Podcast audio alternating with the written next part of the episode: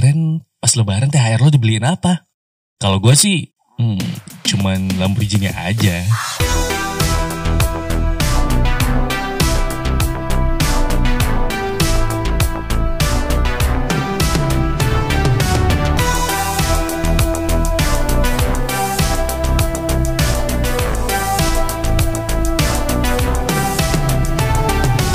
Selamat Hari Raya Idul Fitri, mohon maaf lahir dan batin. Beberapa hari setelah Idul Fitri, waduh masih kerasa-kerasa Idul Fitrinya nih. Beda kalau zaman sekarang ya. Zaman sekarang itu habis Idul Fitri pasti udah kayak, oke okay, reload lagi. Reload itu maksudnya, oke okay, kita cari uang lagi. Tapi kalau zaman dulu beda ya. Kalau zaman dulu beda. Kalau zaman dulu habis Idul Fitri, aku pengennya besok raya pengen beli ini, pistol ini kemarin. Di sini-sini cerita sama teman, aku besok raya pengen beli ini. Tapi itu zaman-zaman waktu kecil ya. Waktu zaman-zaman udah ya bisa dibilang sampai SMA kok nggak salah gue ya. Vibes vibes kayak gitu tuh sampai SMA gitu. Malahan ada yang kayak oke okay, lebaran tahun depan gue harus nyewa PS dan tidur di rumah eh dibawa ke rumah gitu tidur emang di rumah cuy. Dibawa ke rumah terus ya udah gitu doang gitu begadang gitu. Gue ingat vibes zaman dulu gitu kalau yang masih SMP masih SD gitu itu main pistol-pistolan terus juga sebelum sekolah juga main pistol-pistolan. Habis lebaran gue pengen beli pistol ini gue pengen beli Tamiya gue pengen beli ini. Banyak banget kalau habis lebaran.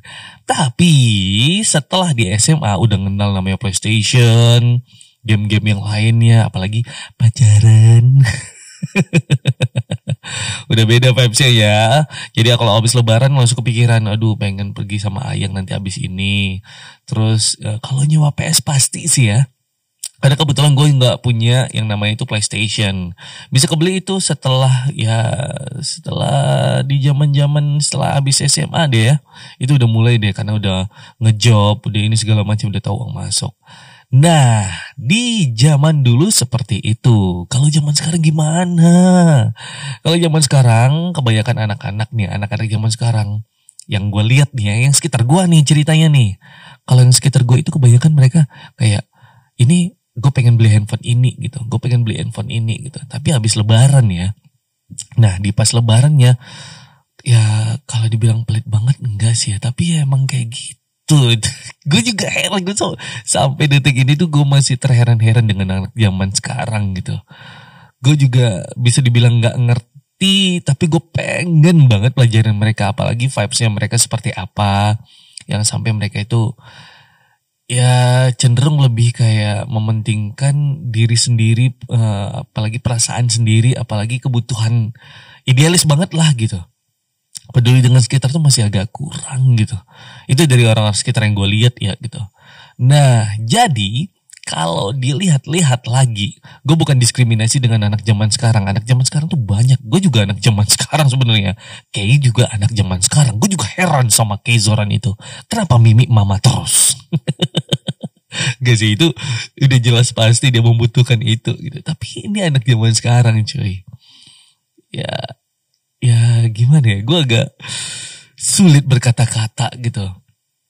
Tapi yang gue lihat ya anak zaman sekarang itu kebanyakan karena kalau zaman dulu gue nongkrong itu bisa dibilang kafe-kafe yang masih dihitung jari ya. Dan juga tempat-tempat instagramable masih dihitung jari juga. Kalau sekarang udah banyak banget.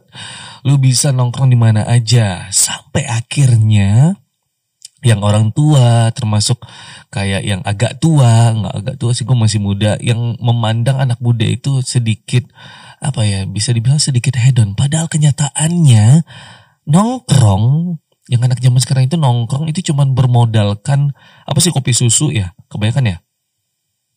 Kopi susu kalau nggak apa lagi ya selain kopi susu apalagi gue nggak gue nggak terlalu paham deh dengan bahasa kopi kopian gitu. Yang jelas jenis itu deh. Mungkin bisa dibilang modelnya di bawah lima puluh ribu. Tapi kelihatannya kelihatan itu hedon banget. Di balik semua itu ada yang benar-benar hedon dan ada yang setengah-setengah dan ada yang ngikut-ngikut aja gitu. Nah kalau yang ngikut-ngikut aja nih, ya biasanya sih ngikut sama temannya terus akhirnya dibayarin sama temannya. Kalau yang setengah-setengah dia memang agak memaksakan. memang agak memaksakan. Nah yang hedon banget ini, ini parah sih. Ini memang bukan memaksakan sih ya. Tapi emang udah harus dia seperti itu. Padahal kenyataannya ekonominya sangat kurang guys. Tolong deh buat teman-teman yang lagi dengerin podcast ini. Mungkin yang pemasukannya tidak seimbang dengan pengeluaran. Atau mungkin terlalu banyak pengeluarannya. Coba deh dikurangin lagi buat nongkrongnya. Kecuali nongkrongnya yang memang uh, lepas kangen sama teman atau gue nggak nggak ada tempat lagi bang kalau zaman dulu nih ya kalau zaman dulu gue sih beda ya gitu zaman zaman tahun gue dulu itu kalau nongkrong itu biasanya kalau nggak di dekat apa sih namanya ya dekat tongkrongan rumah kayak sis kambling gitu kalau nggak di sana kalau nggak ya di rental PS kalau nggak teman-teman gue aja juga yang di biliar biliar lagi. Terus ada juga yang di kafe itu jarang dan malahan zaman dulu kalau lu nongkrong di kafe otomatis lu banyak uang, banyak uang. Dan itu kebawa sampai sekarang. Masih kebawa zaman sampai zaman sekarang itu masih kebawa gitu uh, yang stigma yang seperti itu gitu. Dan lu yang anak zaman sekarang, anak zaman now banget kebanyakan nongkrong di kafe, ya jangan heran kalau misalnya mungkin orang-orang yang lebih tua dari lo ngerasa kayak lo itu hedon banget sih nongkrong di sana terus gitu. Dia tahu nggak sih lo itu nongkrong modalnya berapa gitu. Ya balik lagi kalau misalnya satu hari lima puluh ribu atau mungkin weekdays lima puluh ribu, lo bayangin ke depannya udah berapa uang yang lo dapet gitu. Kayak gitu sih. Kalau misalnya eh, dikumpulin ya uang yang didapat, uang yang dikumpulin gitu maksud gua. Itu dia hedon yang gue pengen bahas di sini tuh hedonnya anak-anak zaman now tapi bukan anak zaman now aja tapi kehidupan kita gitu kita selalu memang pengen terlihat wah pengen terlihat lebih dari orang lain ya tapi ya harus disesuaikan gitu apalagi kalau misalnya lo itu tidak bisa tidak bisa yang namanya menghasilkan please jangan nyusahin aja gitu. Ada orang yang tidak bisa menghasilkan tapi kerjanya nyusahin orang aja. Nyusahin orang itu kayak gimana sih? Misalnya minta-minta sama nyokapnya terus nebeng terus sama teman nebeng terus gimana nebeng minta bayarin mulu gitu ya. Ayo dong, mungkin yang lagi dengerin kali ini yang sering, sering nongkrong di kafe itu bukan gue bukan nyalahin lo, gue bukan nyalahin kalian yang nongkrong terus setiap hari enggak. Tapi kalau misalnya lu nongkrong tapi nggak sesuai dengan kemampuan tolong deh di stop deh. Atau mungkin dikurangin ya. Dikurangin dulu deh dikurangin dulu gitu. Karena nih teman gue nih ya teman gue ada yang kejebak karena pengen hedon pengen kelihat kayak gitu. Sampai akhirnya dia memaksakan akhirnya dia berhutang sana sini dan segala macam dan ya bisa dibilang sih ini teman nongkrong mulu. Gue juga ngeliatnya wih banyak deh. Sampai akhirnya dia dia ngechat gue gitu. Dia ngechat Nah, uh, lu lagi di mana? Di sini nongkrong sini yuk. Eh gue segan ya asli. Gue segan banget. Ya udah gue ikutin aja. Gue ikutin ternyata di di dalam pembicaraan itu ada terselip lah. Untuk nebeng untuk dibayarin terus ada lagi minjem uang. Gue kaget. Selama ini apa yang lo lakuin? Gue bilang gitu ya inilah alasannya gue kejebak hutang gue kayak gini-gini gue kayak gini-gini ternyata eh ternyata teman gue yang lain juga digituin Nah di sini gue ngelihatnya sih kayaknya dia selama ini anteng-anteng aja nggak ada nggak ada gimana-gimana banget gitu ya. Kelihatannya itu bukan di sosial media ya. Yang gue tahu, yang selama ini gue lihat, karena kan kita juga satu tongkrongan ya gitu. Cuman agak bedanya itu gue jarang banget nongkrong, cuman versi dia itu lumayan rajin gitu ya. Gue ngelihatnya bisnisnya jalan aja. Ternyata ya ternyata di balik semua yang baik-baik saja itu ada sesuatu cuy. Dan sesuatunya terungkap memang ini luar biasa sih. Doi emang paling sering, gue kira doi itu memang berhasil dan segala macam. Doi itu sering banget kayak uh, apa sih mesen makanan ojek online gitu, masak mesen makanan online mulu tiap hari dan segala macam. Eh ternyata itu ternyata memang uang bisnisnya, tapi bisnisnya yang disalahgunain gitu. Jadi doi kayak join gitu sama teman-teman termasuk gue juga gitu gue join juga dalam bisnisnya itu gue kira bakal berjalan lancar ternyata makin ke sini makin ke sini eh ternyata disalahgunakan uangnya supaya terlihat wah ketahuannya setelah di akhir kita udah minta rekapan dan segala macem. Doi nggak bisa ngasih dan kita lihat rekapannya kita telusuri dan ternyata Doi sering banget mesen makanan online. Parah. Ditanyain buat apa? Ya buat kebutuhan kan gue butuh makan kata Doi. Terus ini nyokap bokap dia di sini gitu. Ya pekan baru juga. Nah di dari kisah ini dari kisah ini bisa dibilang mungkin banyak lagi teman-teman di luar sana yang pengen terlihat wah pengen terlihat hedon, pengen terlihat apa. Please guys, kalau lu nongkrong itu nggak ada masalah. Itu nggak ada, gue nggak marah juga dan juga orang nggak akan ada yang marah. Tapi orang bakal marah kalau lu itu udah nyusahin gitu, tau gak sih? Apalagi nih, ya kita sadar diri juga kalau misalnya kita memang nggak sanggup ya udah nggak usah jangan dipaksakan. Kecuali memang temen mau bayarin. Udah tenang gue bayarin. Udah kalau kayak gitu mah ikut aja. Kalau gitu mah ikut aja udah. Ikut aja dibayarin juga. Kalau dijebak ceritanya ya beda cerita lagi tuh cuy. Itu baru deh beda cerita. Itu teman lu parah lo itu.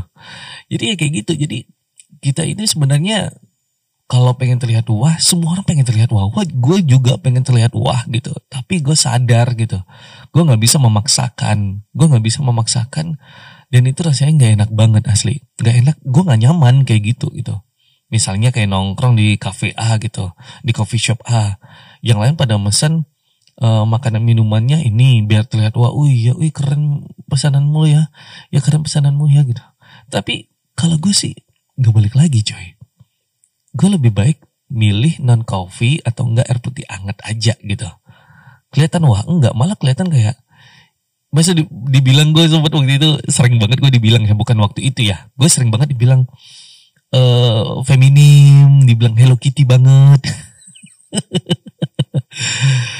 ya orang kan punya riwayat masing-masing ya, punya histori masing-masing yang gue nggak bisa minum kopi gitu sebenarnya. Tapi ya kopi tertentu mungkin bisa kadang-kadang gue minum juga. Mungkin yang pernah sama gue barengan sama gue, bang udah pernah minum kopi kok nggak ada nggak mungkin dia nggak pernah minum kopi. Pernah. Cuman juga ada temen-temen yang waktu itu barengan gue dikasih gue dikasih kopi sampai akhirnya gue muntah-muntah masuk IGD. Dan itu nggak cuma sekali dan itu sampai dua kali cuy.